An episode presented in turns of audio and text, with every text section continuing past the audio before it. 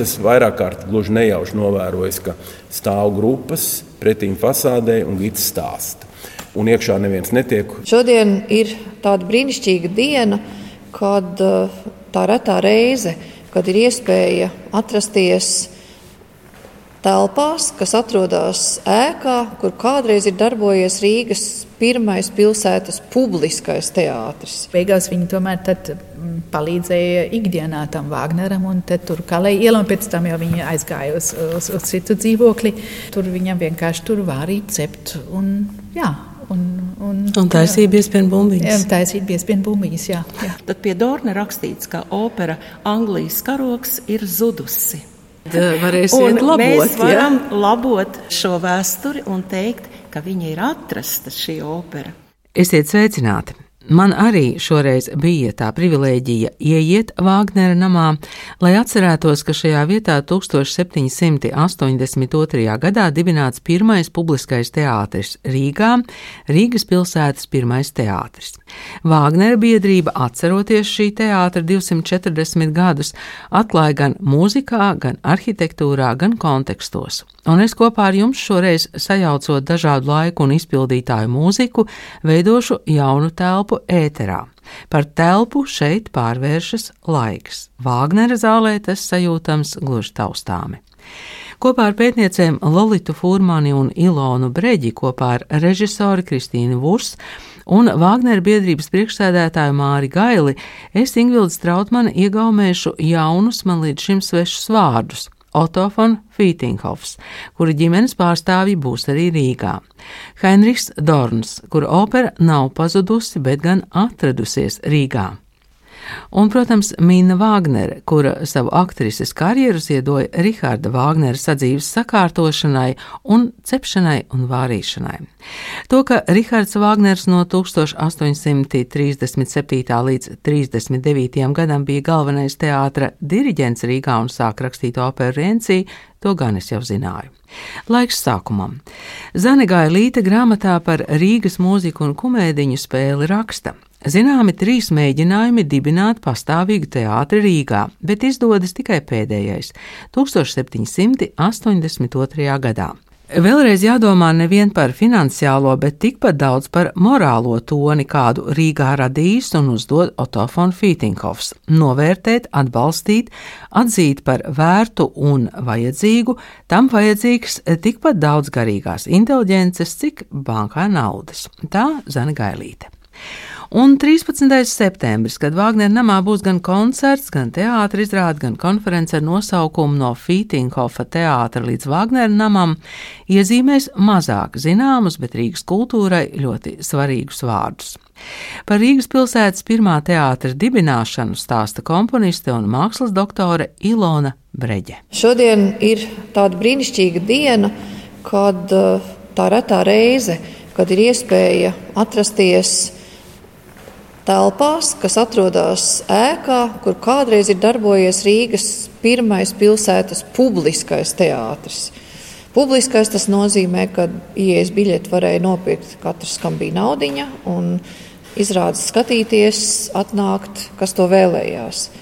Tā ir atšķirība no iepriekš Rīgā eksistējošiem tādiem mm, galma teātriem, arī kas bija Kurzemes hercogistē, kur tā tad bija tikai lūgtie viesi.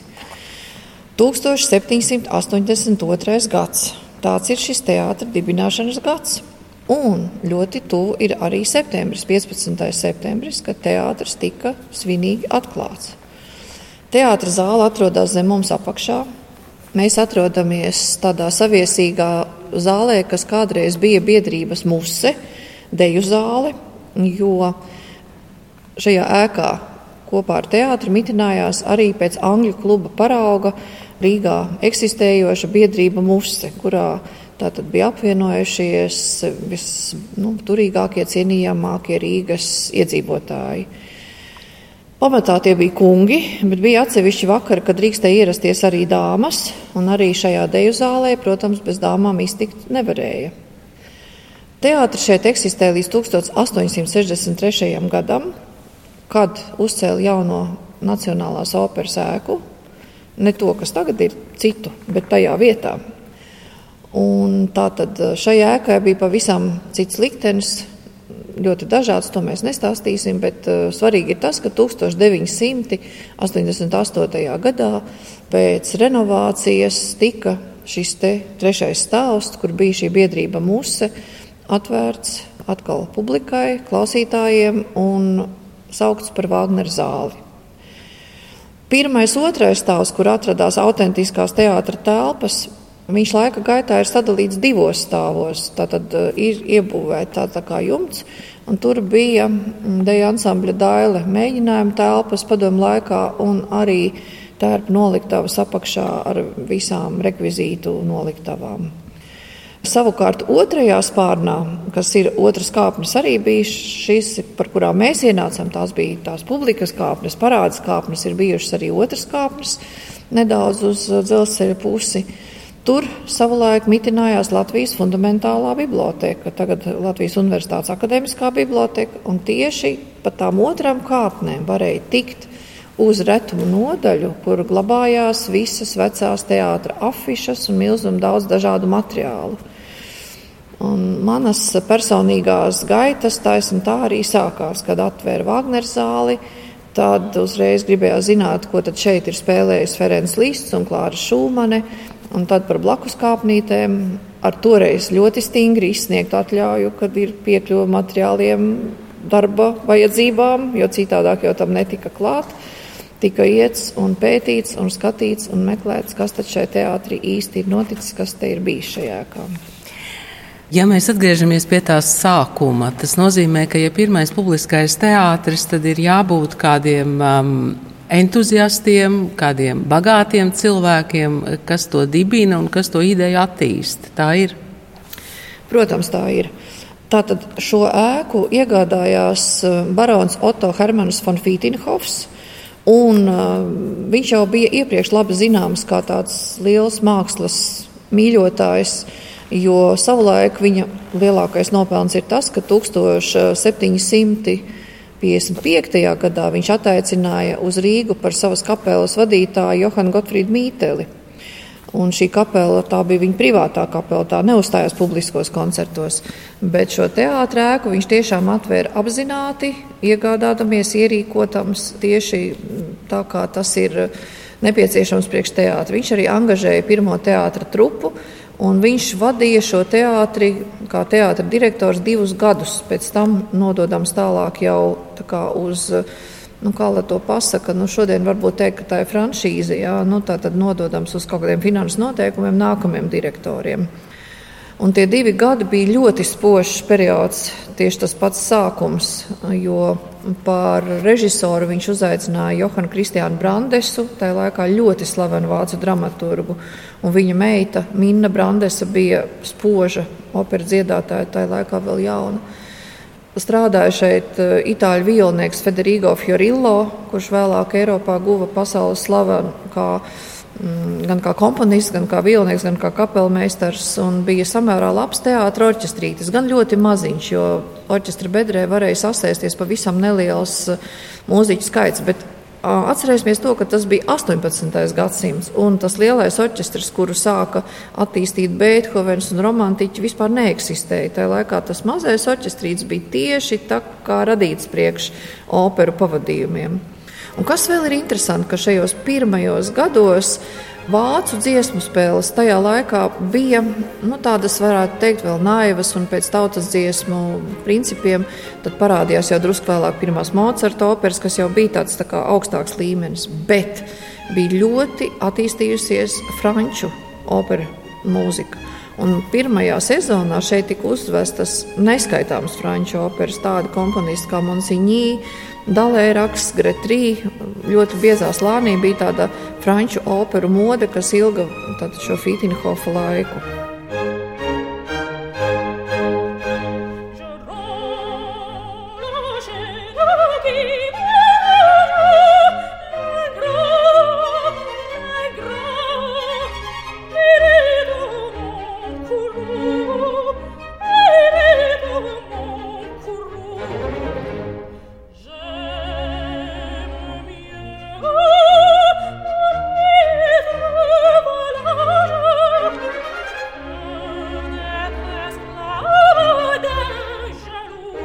so Savukārt muzikoloģe Lorita Fūrmane savā referātā Heinrichs Dorns kā Vāgnera Rīgas perioda laika biedrs un viņa operas nesenais atklājums iepazīstinās ar Dorna operu Anglijas karoks.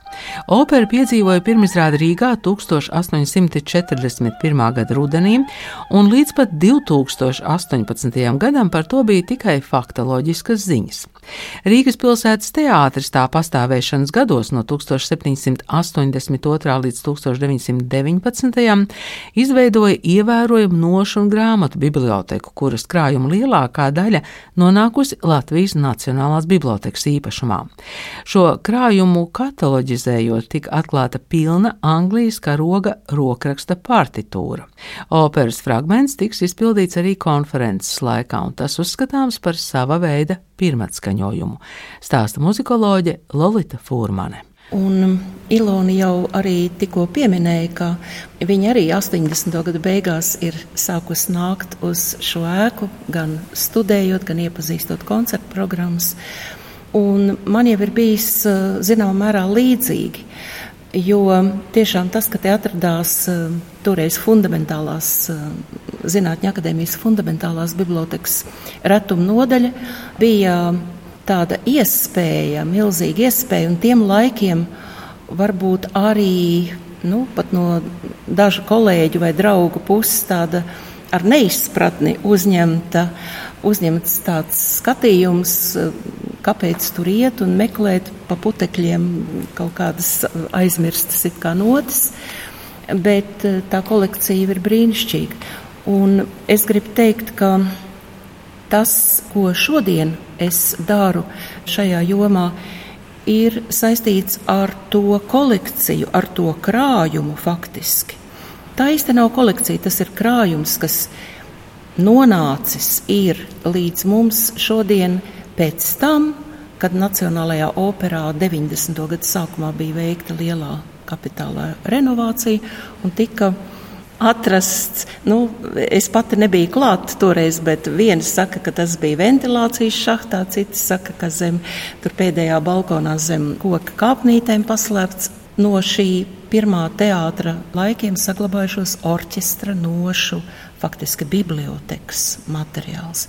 Bet tad, kad mēs sākām pirms trim gadiem kataloģizēt ar Latvijas Nacionālās bibliotekas speciālistiem, tad mēs konstatējam, ka tur faktiski ir šobrīd divi krājumi. Viens ir tiešām saistīts ar teātra orķestra biblioteku, bet otrs, manuprāt, ir drīzāk saistīts ar to mūziku, kas skanēja Rīgas baznīcās vai Melngauju namā. Tā ir tāda koncerta mūzika vai sakrālā mūzika, bet, nu, tad arī ņemot vērā, ka mūziķi bieži vien kooperējās un orķestranti spēlē Tāpat gan vienā, tagad, gan ja? otrā, jā, tad var saprast, ka varbūt tur arī ir nonācis. Bet tas ir īstenībā tas ir fenomenāls materiāls, jo kataloģizēts ir nu, šobrīd, bet es domāju, ka tas vēl nav galējais punkts, ir pār par 300 vienību vienību, bet vienība, nu, ko nozīmē vienība? Tā ir varbūt uh, rokraksta partitūra, kas, piemēram, nu, tas, kas pasaulē ir retums, es domāju,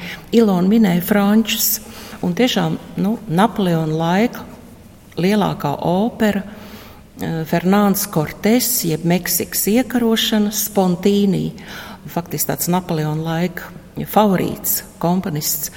Un faktiski visa viņa operas partitūra rokrakstā, tas ir iespējams noraksts. Mēs to vēl tik tālu nevaram konstatēt, kas ir bijis kopists.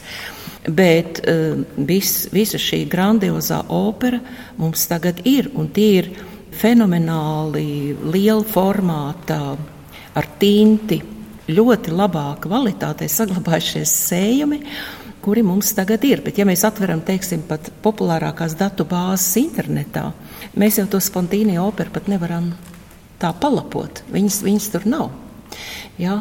Tāpēc es domāju, ir tādi retumi, bet nu, tas, kas ir saistīts jau ar Vāgneru laiku, tas bija tiešām, es domāju, tas ir tāds Eiropas, varbūt arī pat tālāk par Eiropu šajā kolekcijā kas ir tagad Latvijas Nacionālajā bibliotekā, viens no tādiem atradumiem, ko mēs fiksējām, bija Vāgnera Rīgas laika biedrā vācu komponista, starp citu Roberta Šūmaņa skolotāja, Heinricha Dorna opera, kas saucās Anglijas karoks, tas Banner von England, un visi četri cēlieni, tātad pilna rokraksta partitūra, ļoti labā stāvoklī, orķestra balsis, un kas man bija milzīgs prieks, viss pilns operas verbālais teksts, tātad ieskaitot runas dialogus, āriju tekstus un tā tālāk.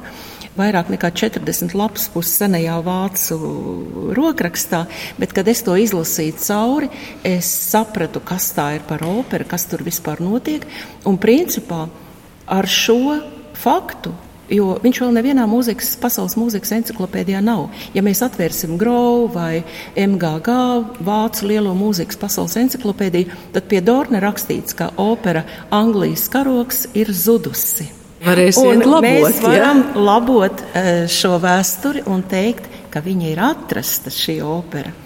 Un, ko tas nozīmē, un par to es gribētu runāt arī konferencē, ka mēs mazliet izmainām to ainu, par tā saucamo vācu romantisko operu pasaulē, jo tagad tajā periodā starp, teiksim, starp Lorcinga, Māršnera operām, pat starp Vēbera Eiriantu un Vāgnera Tanheizera ienāk iekšā Dorna Anglijas karoks, un pie tam tieši kā tāda tā saucamā vācu bruņinieku sižeta opera. Jo Anglijas karogā darbība notiek trešajā krustkarā. Galvenais varonis ir Ričards Lausirds, bet Ziniet, jūs pat nevarat iedomāties, cik tur ir Latvijai svarīgi momenti. Piemēram, šie kori, nu, viņi ir līdertāfeltehnikas kori, labi, vīru kori, bet kādi teksti par tēvzemi, Un es iedomājos, ka lūk, mūsu tā atmoda 19. gadsimta vidū, 50. gadi, kā mēs parasti sakām, bet kur viņa rūga, kur viņa tika audzēta? Arī Rīgas pilsētas teātrī, kad skanēja vācu izrādes, un kaut gan nebija nu, daudz varbūt šo izrāžu tieši šai operai, bet, piemēram, tur ir tiešām tādi teksti, arī korim O Fāterlandi, ja, ak, dzimtene tavas tur skaistās mīļās pļavas un tā tālāk. Tas jau ļoti veido to situāciju. Un bez tam, teiksim, tā opera varbūt pati negāja tik ilgi, bet, teiksim, dramatiskā lūga, kas bija Anglijas karoga libreta pamatā, Kurdistānas lauva saucās šī dramatiskā lūga. Aufenbergs autors vācu. Un viņa gāja šī luga tieši vēl 19. gadsimta pat 50. gados Rīgas pilsētas teātrī kā dramatiskās trupas izrāde. Un šajā lugā arī ir piemēram tāds galvenais varonis, tāpat kā operā Skotu bruņinieks Kenets, kurš eh, vienā no ainām Ričardam Lausirdī atbild, kā tu vari mani nicināt kā Skotu, jā, varbūt, bet tu nevari atņemt man tēviju, manu tēvzemi. Un tur ir tik svarīgi teksti, manuprāt, un tie veido to vidi. Tādēļ es gribu teikt, ka runājot par Heinricha Dorna operu, nav runa par viena vācu komponista kaut kā nevilšas Rīgā sarakstītu darbu, bet tā ir opera, kas mūsu kultūrai, Rīgas kultūrai 19. gadsimtā ir ļoti, ļoti svarīga. Kamēr jūs stāstījāt, es domāju, kas tagad notiks. Jūs eh, nāksiet klajā ar šo atklājumu. Es domāju, ka būs vāciešu interese par to noteikti.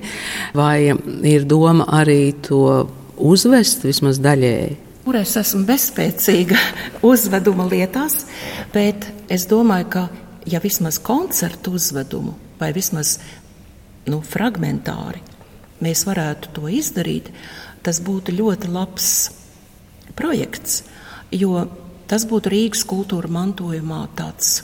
Nu, reāls, skaists, māksliniecisks pieteikums. Es, es šo operu faktiski izspēlēju cauri tikai bibliotekā uz, uz, uz digitālajām klavierītēm, jau uz vietas. Un, un cik nu varēja ar iekšējo dzirdi viņi izdziedāja, bet es konstatēju, ka tur ir skaistas, tiešām arī melodiskas lietas. Vispār Dorns ir mazliet kaut ko no Donizetti, no Bellīnī laika, protams, ņēmis, jo tas ir tajā laikā tas operu, modernais operas stils. Bet dažās taktīs, es pat teiktu, viņš jau sagatavo Vāgneru. Laiks ieskicēt arī Rahāda Vāgnera un Henriha Dorna attiecības. To palīdz Lorita Furmane un Ilona Breģe. Vāgnera laiks un Vāgners eh, šeit, eh, Rīgas pilsētas eh, pirmajā teātrī, tie ir daži gadi, vai ne? Jā, 1837. un 1839. gads, divas sezonas, tā var teikt.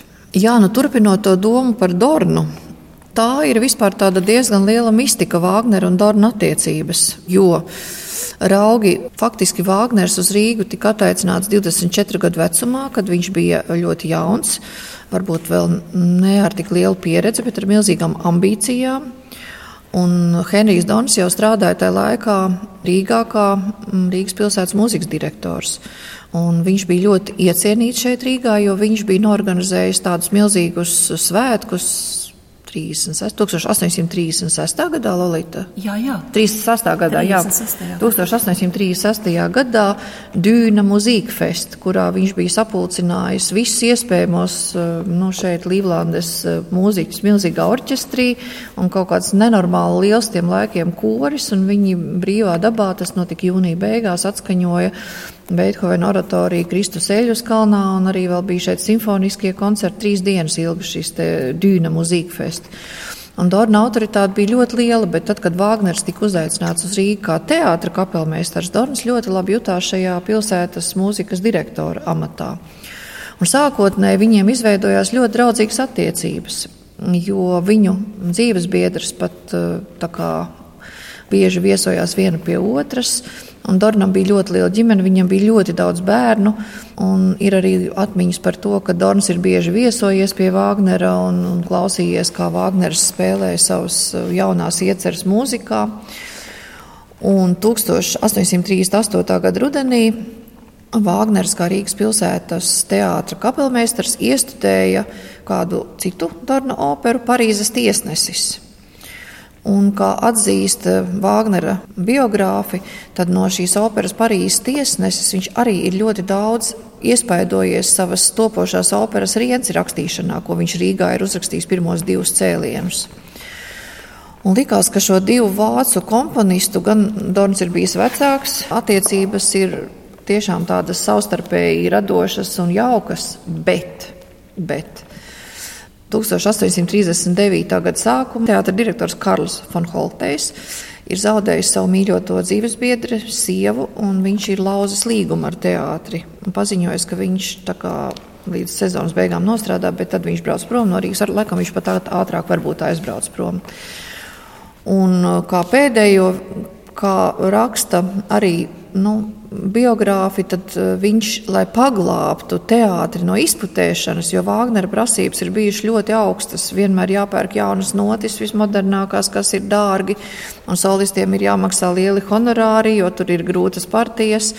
Viņš ir uz nākamo sezonu noslēdzis līgumu ar Henriju Dornu par to, ka Dorns stāsies Vāgnera vietā. Un Vāgners to nav zinājis. Un tas un ir, un viņš to ir uzzinājis marta sākumā, faktiski no ziņas Rīgas laikrakstā. Nu, un, protams, ka tā ir bijusi tāda nesevišķi jauka lieta, jo nu, grūti pateikt, kādēļ Dorns ir parakstījis šādu līgumu. Nu, katrā ziņā Vāgners to ir ļoti ņēmis ļaunā, un arī Dorna karjera pēc Rīgas ir attīstījusies gana spoža. Viņš ir bijis Berlīnas karaliskais Kādā matā viņš bija? Bija, man liekas, operas direktors. Jā, man arī liekas, ka Berlīnas operas tātad diezgan spoža karjeru Vācijā. Vāgners jau pat eh, bija izteicies arī memoāros, ka nu, tagad viņam vairs Berlīnē nespīd uh, uzvest viņa Tanheizeru, jo tur ir Dorns priekšā. Ja? Kaut gan ir tā, ir Vāgnera memoāri un ir Dorna memoāri. Ja? Un, un ļoti interesanti arī ir Dorna memoāri. Un, protams, katrs no sava aspektu stāsta to stāstu. Mēs nekad nu, varam tikai domāt, ja? jo Dorns vismaz memoāros viņš tā raksta, nu, cik tas ir godīgi.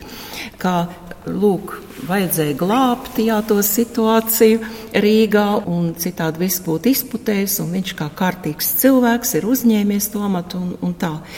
Bet uh, Vāgners uzskatīja, ka viņš ir nodots, tā ir bijusi nodevība, ka tā ir sazvērstība pret viņu, un devās projām.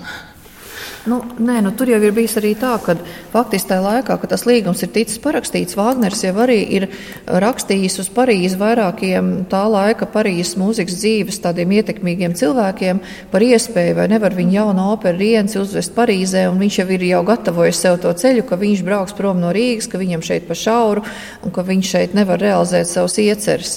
Bet kas ir interesanti, kad man šķiet, ka Dorns jau nu nav turējis uz Vāgneru ļaunu prātu.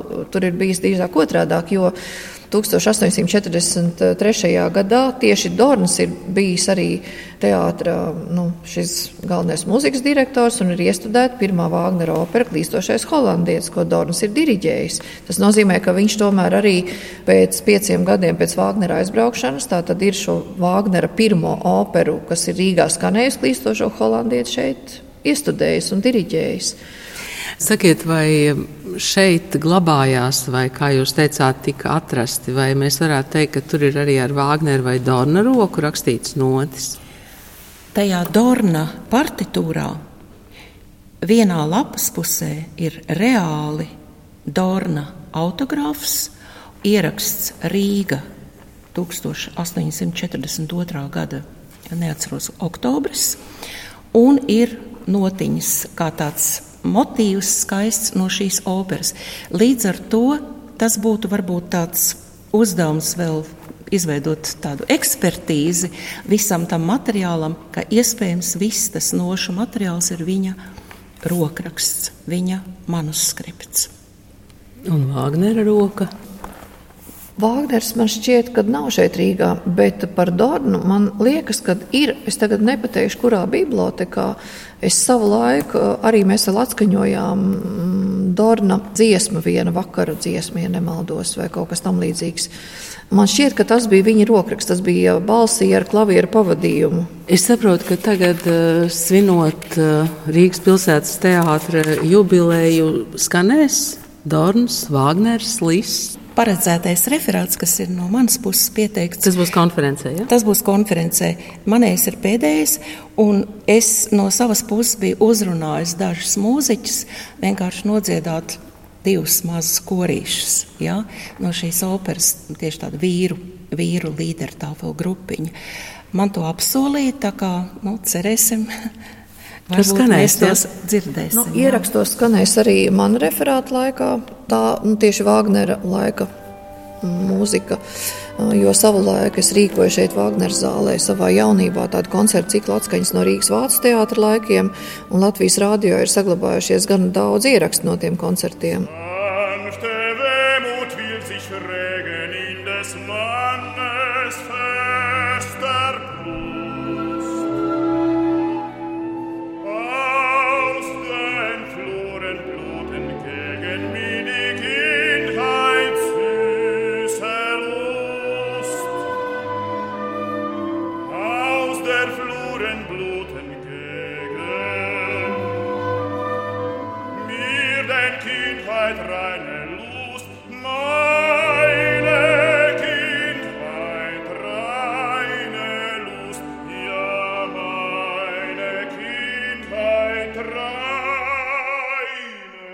Tāpat kā Fītinghofa laikos, arī tagad, lai pastāvētu un attīstītos kāds gezamtkunstverk, jeb mākslu vieta, ir vajadzīgas ne tikai finanses, bet arī garīgā inteliģence un vēriens. Par Vāgnera nama atzimšanas plāniem jautāja Vāgnera biedrības priekšsēdētājam Mārim Gailim. Man jums jājautā, kā tad jūs eh, svinēsiet to Rīgas pilsētas teātra jubileju? 240 gadu jubileja ir, ir nopietns cipars atzīmēt to vajag. Tādēļ nu, mums būs tam veltīts 13. septembris. Tas bija saskaņots ar māksliniekiem. Īstā diena ir 15. septembris. Lūk, un, uh, un noteikti būs brīnišķīgs koncerts. Andrejs Osokins spēlēs to pašu, ko Lists šeit atskaņoja 1842. gadā, kas esot um, kaut kas ļoti virtuos, jo toreiz bija tāda mode, kā man stāstīts. Nu, paklausīsimies. Un, um, un konferenci mēs gribam arī parunāt, interesanti atklājumi. Un par tiem vajag pastāstīt. Un, un es domāju, ka publikai būtu arī interesi noklausīties Dirveika stāstījumu par to, kas te atklāts pētot mājas vēsturi. Un tur ir liels dokuments, var sakot, AIG arhitektūras izpētes grupa. Tā ir tāda kompānija, kas ir kompetentākā Latvijā, kas uh, strādāja ar, ar, ar, ar vēsturi. Un tad, tur, protams, ir no arhīviem izvilkts viss no paša sākuma. Ļoti interesanti, kas te viss gājis. To mēs dzirdēsim. Nu, un tad arhitekts Zāja Gaila pastāstīs par um, to projektēto nākotni. Šobrīd es domāju, ka ir vērts uh, parunāt arī par nākotni un, un arī par tagadni. Vāgnera biedrība un kas jums līdz šim ir izdevies? Nu, mēs zinām, bija tas lielais stāsts par Vācijas Bundestāga lēmumu. Tad uh, cik tālu jūs esat šobrīd? Nu, mēs esam iesākuši to Vācijas naudu apgūt pagājušajā gadā bija piešķirta 200 tūkstoši, un par to mēs pagājām projektā uz priekšu. Faktiski izstrādājām mūsu um, izpratnē skiču projektu, uz ko tad balstīt nākamo darbu. Nu, šogad ir piešķirts miljons. Vēl konkrēti tas nav noticis, tādēļ, ka tur ir ļoti daudz birokrātisku darbību. Lai viena lieta ir skaisti izklausās, piešķirts, bet, lai viņi dabūtu, tad tur ir tūkstošiem papīra jāuzraksta. Ar ko es tagad nodarbojos intensīvi. Un um, septembrī laikā man jātiek pilnīgi galā Un tad uh, mēs tagad strādājam, lai mums piešķirtu 3 miljoni. Iespējams, ka mēs parakstīsim kaut kādu līgumu konferences dienā, jo izskatās, ja paspēs saskaņot, tad kultūras ministrs, Vācijas vēstnieks un es mēs parakstīsim tādu trīspusēju nodomu protokolu tieši par to līdzfinansēšanu. Bet galvenais, ar ko es tagad uh, nodarbojos, ir rakstu pieteikumu tādam klimata pārmaiņu novēršanas finansēšanas fondam, lai pretendētu uz 15 miljoniem. Nu, tie arī ir ļoti daudz visādi papīru un aprēķini, un uh, tam mēs gatavojamies. Tur termiņš ir mēnesis, un tad, ja man viss uh, sanāks, un es esmu pārliecināts, ka tā būs, tad uh, mums būs pieejami 18 miljoni tuvāko trīs gadu laikā. Kuri nu, tad attiecīgi tiks apgūti. Sāksim, tad es pieņemu, ka varbūt jau novembrī, decembrī sāksim tehnisko projektēšanu, ko ir jānobeidz kaut kad nākamgad vidū, varbūt uz, uz vasaras beigām, un tad zāle aizies uz trim gadiem, cerams, neilgāk, ciet. Šeit būs tātad būvlaukums, un mēs sāksim strādāt. Sāksim ar pagrabu, ar pāļiem, lai nostiprinātu māju, un tad uz augšu. Bet eh, tā būtiskākā problēma ir tā mājas nostiprināšana. Nē, nu visi būtiski. Viss ir. Ja? Visi būtiski. Jā, nu vienkārši bez nostiprināšanas nevar, nevar iet uz priekšu. Tad, tad um, ir jābūt pāri laukam, tādēļ, ka um, māja stāv uz um, jau papūšiem koka pāļiem, kā jau tajos laikos būvēja pirms 240 gadiem. Un, un viņi ir jānos, jānostiprina. Turklāt, ja mēs gribam um, atjaunot operas zāli, kas bija tas teātris, Jā. kur atklāja pirms 240 gadiem. Nu, tad uh, tur ir arī jārok orķestra bedra ūdenī pēc būtības. Tas nozīmē, ka ir, ir jāhermetizē viss. Tā ir lieli kompleksi, dārgi darbi. Un šobrīd, diemžēl, ar, ar, ar inflāciju, ar visu tas cipars jau ir 40 miljoni. Tā kā es visur saku 44, vēl rēķinoties ar 10% eh, neparedzētu rezervi, jo vēl jau nav ne karš ir beidzies, ne inflācija beigusies. Šajā zālē, kur mēs pašlaik sēžam, šeit uh, tomēr kaut kas notiek, jo mēs redzam, ka te nošu pultis un krēsli. Jā, kopš um, Wagner biedrība iegūta šo māju, mēs viņu atvērām dažādām aktivitātēm. Šeit notiek īstenībā kultūra. Jā, tā tad šeit dejo, spēlē. Mēs um, esam iznomājuši Kremerata Letonika, ja tā teikt, nu, Latvijas grupai, kur šeit mēģina un, un bieži. Notiek mākslinieku izstādes, ir bijušas un būs atkal. Un šeit, šī mājā, diezgan daudz ir filmēts. Tā tad pirmā laikam bija Emīlija Preses karaliene. Te bija Birojas, tas ziņas, bija pirmā ja? stāvā jaunākā ziņu redakcija, jā, un, tad, un pēc tam bija CC un vēl visādi citādas filmas. Tā, tā kā, nu, faktiski ir tā, tā, tādas četras kultūras aktivitātes, kas šeit notiek, kas arī turpināsies līdz mājai aizvērsies. Nu, prot, protams, pēc atjaunošanas ir jaunas pāru. Vai jums ir tāds um, prognozējams datums, kad māja atvērsies ar jaunu spāru? Es saprotu, ka šobrīd ir grūti to prognozēt. Datums nav, bet gads, nu, es rakstu un rēķinu 2026. Diezgan tuvu. Tas ir tuvu. Nu tas, nu, tas man ir četri gadi. Tas, ja viss veiksies tā, jo ir, ir ļoti daudz naudas, 40 miljoni atbūvēta. Tas ir nereiķinot vēl varbūt to. To. Ir, ir visādas labas ziņas, kas varbūt mūziķiem interesanti dzirdēt. Ka, ah, man, tāds, man tāda indēva, ka man vienmēr gribas vienmēr visu pašu to labāko. kā, ja jau, tad jau. Ja? Jā, kā, kā Oskars Vārts teica, man ir ļoti vienkārši gāma, es izvēlos pašu to labāko. Un šī gadījumā tika uzaicināts eh, šobrīd populārākais un labākais pasaules akustikas inženieris Toyota no Japānas. Viņš piekrita mums strādāt, mēs parakstījām līgumu. Tas nozīmē, ka Toyota tas pats. Tā pati kompānija, tas pats speciālists, kas taisīja Elbas filharmonijas akustiku, Parīzes filharmonijas akustiku vēl dučiem dažādu operu un, un koncertu zāļu visā pasaulē akustiku, strādās arī priekš mums. Tas ir šī zālē ar viņu konsultācijām un, protams, apakšā, jā, tajā jaunajā, atjaunotajā teātris zālē viņš strādās. Un tas ir ļoti labi. Un tad mēs beidzot dabūjām jau konkrēti papīru no eh, Vācijas fonda Messerschmitt Stiftung, eh, ka viņi finansēs kāpņu telpas restaurāciju par pusmiljonu. Tas ir arī nu, tā jau tā kā nauda kabatā ir vekselis, kad pienāks laiks, tad, tad maksās. Tad būs. Jā. Vai jūs jūtat eh, vāciešu, vācu turistu iespējamo interesi? Noteikti. Es ar to arī ļoti rēķinos. Nu, es esmu vairāk kārt gluži nejauši novērojis, ka stāv grupas pretīm fasādē un gits stāsta. Eh, un iekšā neviens netiek. Un, un, nu, un tā. un tagad mēs rēķinamies, ka viens no tādiem arī ieņēmumu posteņiem pēc tam, kad būs pabeigts, jo uh, biedrībai nāksies rūpēties, lai tā māja dzīvo un strādā. Tas nozīmē nopietni izdevumu katru gadu. Nu, varat iedomāties. Lūk, tad, tad nesēdēs uz budžeta. Un eh, ir paredzēts, ka būs Wagner muzejs. Un, uh, Mēs orientējamies un ceram uz vācu grupām, kas tad nāktu un to apskatītos pa dienu. Un tad vakarā būtu koncerti vai pasākumi, vai šī zālē var būt arī korporatīva pasākuma vai konferences. Nu, jebkāds multifunkcionāls zāle viņi būs. Ar modernu akustiku ar modernu akustiku, kas nozīmē, jānodrošina arī konferences laikā. Tad mums jādomā par porķerām, jo, jo šeit akustika ir laba muzikai, bet nerunai. Mēs te divi runājam, bet, ja te ir konferences un daudz, tad tā reverberācija ir, ir neatbilstoša. Un tad to atkal dzēš ar, ar visādiem paņēmieniem. Sakiet, kas tā par nišu tur aizmugurē? Tur augšā. Tā ir tā vieta, kur, kur orķestrītim sēdēt, tad, kad ir balva.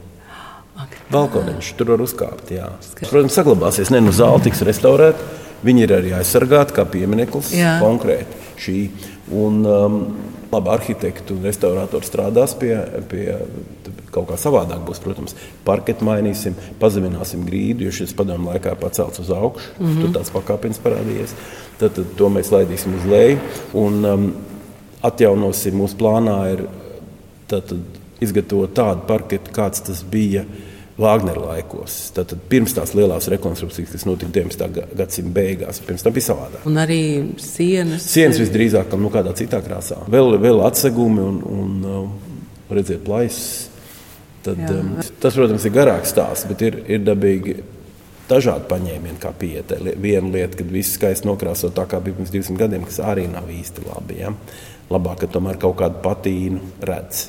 Bet gan jau arhitekti tiks galā. Bet ir liecības, kā izskatījās pirms 200 gadiem. Nu, īsnībā fotografijas ir no, tām, no, no 20. gadsimta sākuma, un ir cits lustrs bijušs, un, un šis un tas atsegumi ir parādi, kāds bija mm -hmm. krāsojums. Piemēram, kāpņu telpā tur bija pilnīgi savādāks. Tie vienkārši nomālēts vienā pelēkā tonī. Tāds bildes ir, mm -hmm. bet, bet 200 gadu vecs bildes nav. Jā, tad atliek pētīt un fantazēt. Jā. jā.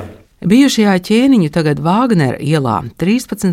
septembrī atkal atdzīvosies mākslas, un pēc tam notiks lielā nama atzimšana un prognozēta tā atkal atvēršana 2026. gadā. Mm, tā saka Mārs Gailis. 13. septembra vakarā Vāgnera namā skanēs Andreja Osokinas solo koncerts 1842. Līsts Rīgā, Riharda Vāgnera un Ferenca Līsta klavieru sonātes. Programma papildinās skaņdarbi, ko Lists izpildīja savā Rīgas koncertā 1842. gadā. Un vakaram būs arī otrā daļa ar muzikālu dramatisku izrādi dziesmu, dziesmu un vēlreiz dziesmu, kuras režisora ir Kristīna Vuss. Viņai ir noturīga interese par Latvijas un Vācijas kultūru savstarpējām ietekmēm. Tas ir uh, viena no uh, Vāgnera laika Beretas slavenā, tad tas ir viena gulbju uh, spalva, un tad tas ir viens uh, kuģītis, kas tomēr neved nekādus zirņus, kā tas kuģītis tētis, nu, nu kuģītis tētis, tā viņa saucās nu, vācu valodā, tad to, to, to, to Vāgneru aizveda tad, jā, tālajās gaitās, jā, nu, no Rīgas prom, jā. Un jums ir dažas grāmatas, un jums ir teksti. Tad sakiet, lūdzu, ko jūs darīsiet šim vakaram, 13. septembrim, kas būs jūsu uzdevums? Mans uzdevums būs veidot vienu uh, operas, mūzikas uh, un teksta kolāžu, kas ir uh, teātrāls gabals, kur mēs varam dažādos momentos nojaust kādā tādā kā vēsturiski korektā pasakā.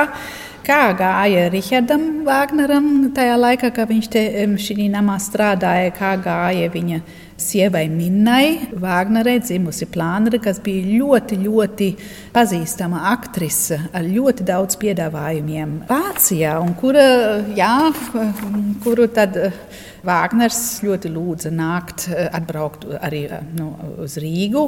Rīgā viņai gadījās tad eh, veikt savas mākslinieces gaitas gulbju dziesmu nodziedāt, nospēlēt. Un tāpēc man šī gulbju spalva nav, kā varbūt visi domās, ka tas ir nu, Loengrīns un pēc tam tas gulbju, nu, gulbju bruņinieks pasakainais. Ja?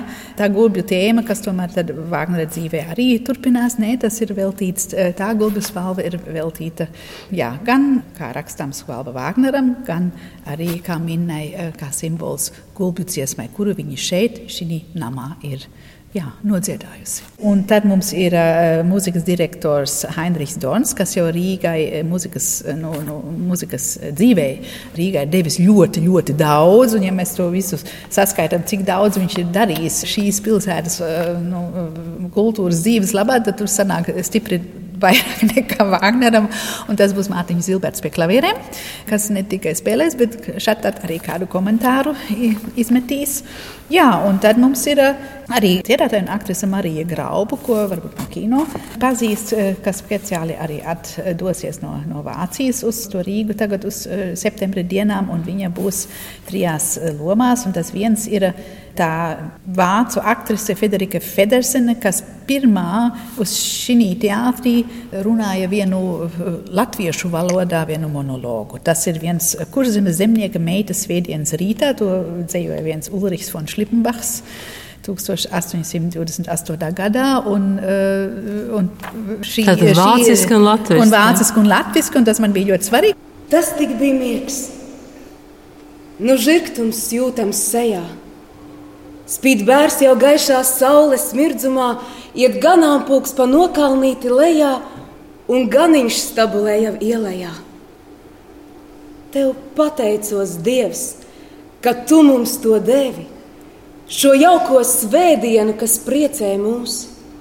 Nu, jautrā garā neaizmirstot tevi, mums mazliet dzīvi baudīt būs. Un tad eh, tā Marija Grauba aizies arī uz citiem laika posmiem šī namā, eh, jo viņa būs gan tā izīrētāja, kā lai ielas dzīvoklim, jā, ļoti kolorīta, un arī būs jau viena, nu, eh, pēc tam, nu, daži impulsi jau, tur arī daudz rakstīts, un dažādās valodās rakstīts, kādi impulsi te Vāgneram bija priekš nākošās daļradas, un tad arī būs viens Brinhildes, Brinhildes gabaliņš. Tā, ka tā, nu, kombinācija ir, piemēram, to, ko dziedās arī Minna, ko dziedās Evija eh, no Mārtiņsona. Tur arī būs ne tikai tas materiāls, ko viņa dziedāja šeit, vai runāja šeit, tā minna, bet bija, būs arī drusciņā atkāpes vai arī nu, teiksim, nu, cukumftsmūzika būs, saka, nākotnes mūzika no, no, no Vāgnera dairadas. Tajā laikā, pa ko tagad tad, tajā konferencē runājām, latviešu valodā bija ļoti, ļoti reta. Ja? Nu, tikai tā, tā vācu aktrise to mēģināja darīt, bet man ir svarīgi tur atrast dažas tēmas, kas arī apvienos tās lietas, kas īstenībā nemaz tajos laikos nemaz nebija vēl apvienotas, bet bija atsevišķi. Bet, nu, tā kā es tur grāmatā atradu, tomēr ļoti daudz pavadienus, kas tur savijās. Man arī šeit būs Rihards Vāgners rakstīja 30, 1837. gadā vienā žurnālā, kur viņš rakstīja par Belīni, ja, komponistu dziesmu, dziesmu un vēlreiz dziesmu jūs vācieši. Jā? Viņš lūdza vāciešiem jā, vairāk pievērsties vēl kanto dziedājumam. Jā, un es domāju, to tēmu latviešu cilvēkiem nemaz tā nevajag re, nu, tā reklamēt, jo tur tā dziesma ir iekšā, tautas dziesma ar dainām, visām tām lietām, kas jau ir gadus simtus, gadus tūkstoši šeit e, ir. Jā, un to savīt, to dainu un to tautas dziesmu latviešu un vāc, e, nu, vācu kultūras. E, jā, uzplaukumu 19. gadsimta un 18. gadsimta beigās. Tas arī tāds motoriņš ir, kāpēc es to daru tagad. Nu. Jūs nepieminējāt, kurš būs Vāgners? Jā, tas ir pats labākais pašā beigās. Nu, jā, Beretīte, es ceru, ka viņam derēs. Bet tiksimies uh, šodien ar, ar Andriu Kipluku. Kipluku. Viņš, uh, ir eh, solists un kura mākslinieks um, operā, viņš man jau manā izrādā Hamlets, tāpēc man tas to Hamletu tā pieminu, ja. E, tur es viņu ieraudzīju kā ļoti talantīgu um, aktieri, ne tikai dziedātāju, bet aktieri viņš bija gan Lukjans, gan no viens no tiem no, Bernardo pavadoņiem no, no, no, no Hamleta, tāpēc viņš ir ļoti dažāds, ja, viņš var būt gan tāds varonis, gan viņš būt arī tāds ar asumiņu. Jā, to es tur tajās eh, reizēs mēģinājumos ieraudzīju, tāpēc es domāju, viņš ir arī drusciņi līdzīgs. Un tāpēc tā ir liela laime, un Evija Martinsona, kā minna, arī ir, arī ir, eh, arī ir līdzīga, nu, teiksim, drusciņi tai, tai minnai Vāgneram, tāpēc esmu ļoti priecīgi, priecīgi ka Jā, Edgars Ošlē, varbūt Ginteram arī ir, lai pieaudzētu garāks uh, matus, varbūt arī būs uh, līdzīgi. Tāpēc nu, esmu priecīga, ka uh, atradu arī māksliniekus, kas uh, nu, no ārējā veidola varētu tam pietuvoties. Jā, jo tas jau nav tik vienkārši vēsturisks personas. Uh, tā atrast. Tā, 200 gadus vēlāk, eh, vai 150 gadus vēlāk. Un spēlēt un dziedāt. Vēl, un spēlēt un dziedāt, jā, jā. jā tas viss eh, nebūs viss dokumentārs, bet būs eh, tur nozīme arī Vāgnera vēstulēm, kur viņš Rīgā ir rakstījis. Tas nebija daudzas, būs arī vēstules, kuras viņš ir rakstījis orķestrim, ka atkal ir jāmēģina ilgāk un vairāk, un viņam ir nu, tā tēma mūžīgā, kas viņa dzīvē caurvīs. Tā ir arī, nu, tā ir arī tajās vēstulēs, nedaudzajās vēstulēs, kas ir saglabājušās, kuras es mm, lielajos eh, vēstuļu nu, kopotos sejumos, tad Miņķenes eh, valsts bibliotekā tieši nu, bija saka, atradusi un izkopējusi. Tur ir tā tēma, bet nu, jā, viņam bija ļoti liela interese nu, to. To, to orķestri nu, audzināt, lai viņi nu, būtu ļoti nu, saskanīgs uh, ansamblis un arī viņam dot uzdevumus, kur viņi varētu izaugt. Ja? Bet ar to izaugsmi jau tad ir arī Ir jāstrādā. Ir jāstrādā, un nu, visi jau tur zināms, nu, kāpēc viņš tad Rīgā neturpināja strādāt, bet viņš no tā, no tā orķestra ansambļa prasīja ļoti daudz. Ja? Tāpēc noteikti tur tāda viena īsa, īsāka vēstulīte uzruna orķestram, to es noteikti. Varbūt es domāšu, varbūt jau arī pārtulkošu arī latviešu valodā, lai visi saprastu, pa ko iet runa. Ļoti gribēju, lai tā minna, kas jau bija, viņa jau tur Kenigsbergas pilsētā apprecējās, un tad viņa aizmuka. Un tad viņš viņai lūdza, lai viņa tomēr uz to Rīgu atbrauc. Tas jau bija garš ceļojums, lidmašīnas vēl nebija, bija ar kuģi.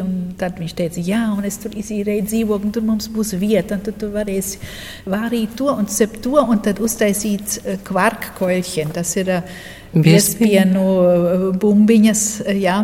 Un tad, un tad mēs varēsim, nu, tur viņš pateica tādu vārdu, tā, kas laikam tikai saksijas vācu valodā. ir tāds, nu, vienkārši labi dzīvot un būt priecīgi. Jā, viņš, viņam ļoti bija svarīgi, ka tā minēta atbrauc. Un viņa paklausīja. Paklausīja, un tad beigās viņi tomēr tad mm, palīdzēja ikdienā tam Wagneram, un tur kalēja ielu, un pēc tam jau viņa aizgāja uz, uz, uz citu dzīvokli.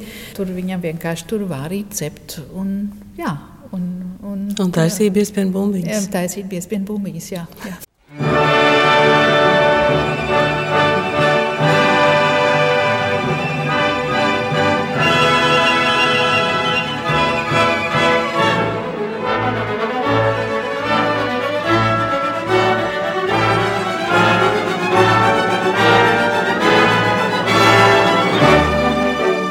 Jā, visi tagad domā, ka ļoti daudz mēs citēsim no klīstošā holandieta. Tā nebūs, būs tikai tāds maziņš citāts, jo nu, vēsturiski pareizi jau būtu, ka tur būtu kaut kas no Riensī. Bet mēs jau, nu, tā, tā ir tāda pasaka kolāža, mēs pievērsīsimies gan mežputniņam, jo tas varēja arī būt varbūt latviešu mežputniņš, ko Vāgners ir kādreiz eh, dzirdējis mežā. Jā. No Zigfrīda mēs nu, dzirdēsim no Valkīras, to Brinhildu, mēs dzirdēsim arī gabaliņa no klīstoša holandīta. Mēs tuvosimies Tristānam un Izoldē, gabaliņam no Izoldes. Un ļoti svarīgi, kā, jā, kā mūzika pēc dziedāšanas, bet tā, ka tur ir noteikti ļoti svarīgs vārds par telpu. Šeit pārvēršas laiks. Tas ir viens citāts no operas, pat viņa saucās Bühnen vai Festspiel. Nu, ļoti īpatnējā, beidzamā gabala, ko Wagners ir nu, pabeidzis. Tas ir eh, Parsifals, eh, kurš arī jā, Latvijas Nacionālajā operā 30. gados ar ļoti skaistām un interesantām dekorācijām tika rādīts. Um, jo tāpēc, ka nu, pa, uh, pa telpu šeit pārvēršas laiks, uh, šis vārds vai šis, nu, šī, šī doma ir man ļoti svarīga. Tāpēc arī ar to pārsevala mūzikas, pārvērtības mūzikas, saucās Verwandlungsmusika, nu, aiziet no vienas telpas uz otru, no viena laika uz otru. Tas man liekas ļoti svarīgi. 35. līdz 37. gadam šīs teātris bija cieta 1835. un 37. un tad uh, tur vairāki uzrādījās vairāki sponsori, piemēram, Voldemārs Aleksandrs Portens, kura dēls tad kļuva par čelistu, un tam čelista dēlam Vāgners stāstīja, ko viņš te Rīgā šī ēkās kompleksā ir ieraudzījis, kas viņam ir svarīgs pie Bairotas. Ja? Mm. Bet nu, šīs Portena kungs bija viens no tiem, uzņēmējiem, un viņam bija kā saukt rēderējs, nu, kas, kas kuģiem, kuģniecības. kuģniecības, jā. Viņš tad iedeva to finansējumu, lai varētu 37. gadā tas viss atsākt. Un ja viņš nebūtu neko iedevis, nu, tad Tad, nebūtu. tad Vāgneram arī nebūtu jēgas braukt uz Rīgu, un tad arī Rīga nekad nebūtu saistīta ar Vāgneru. Rīgas pilsētas pirmajā teātrī nebija ļauts ienākt sulēņiem livrejās. Tas bija sākumā.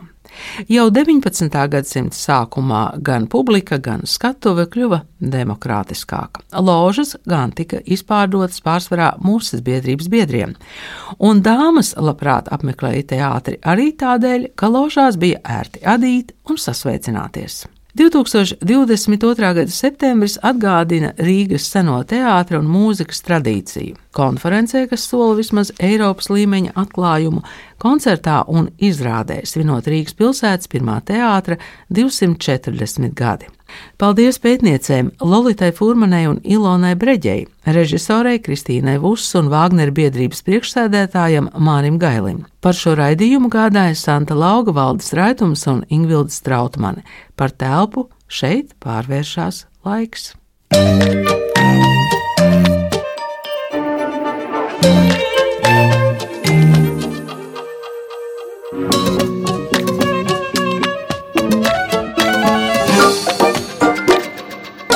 Kultūras rondo.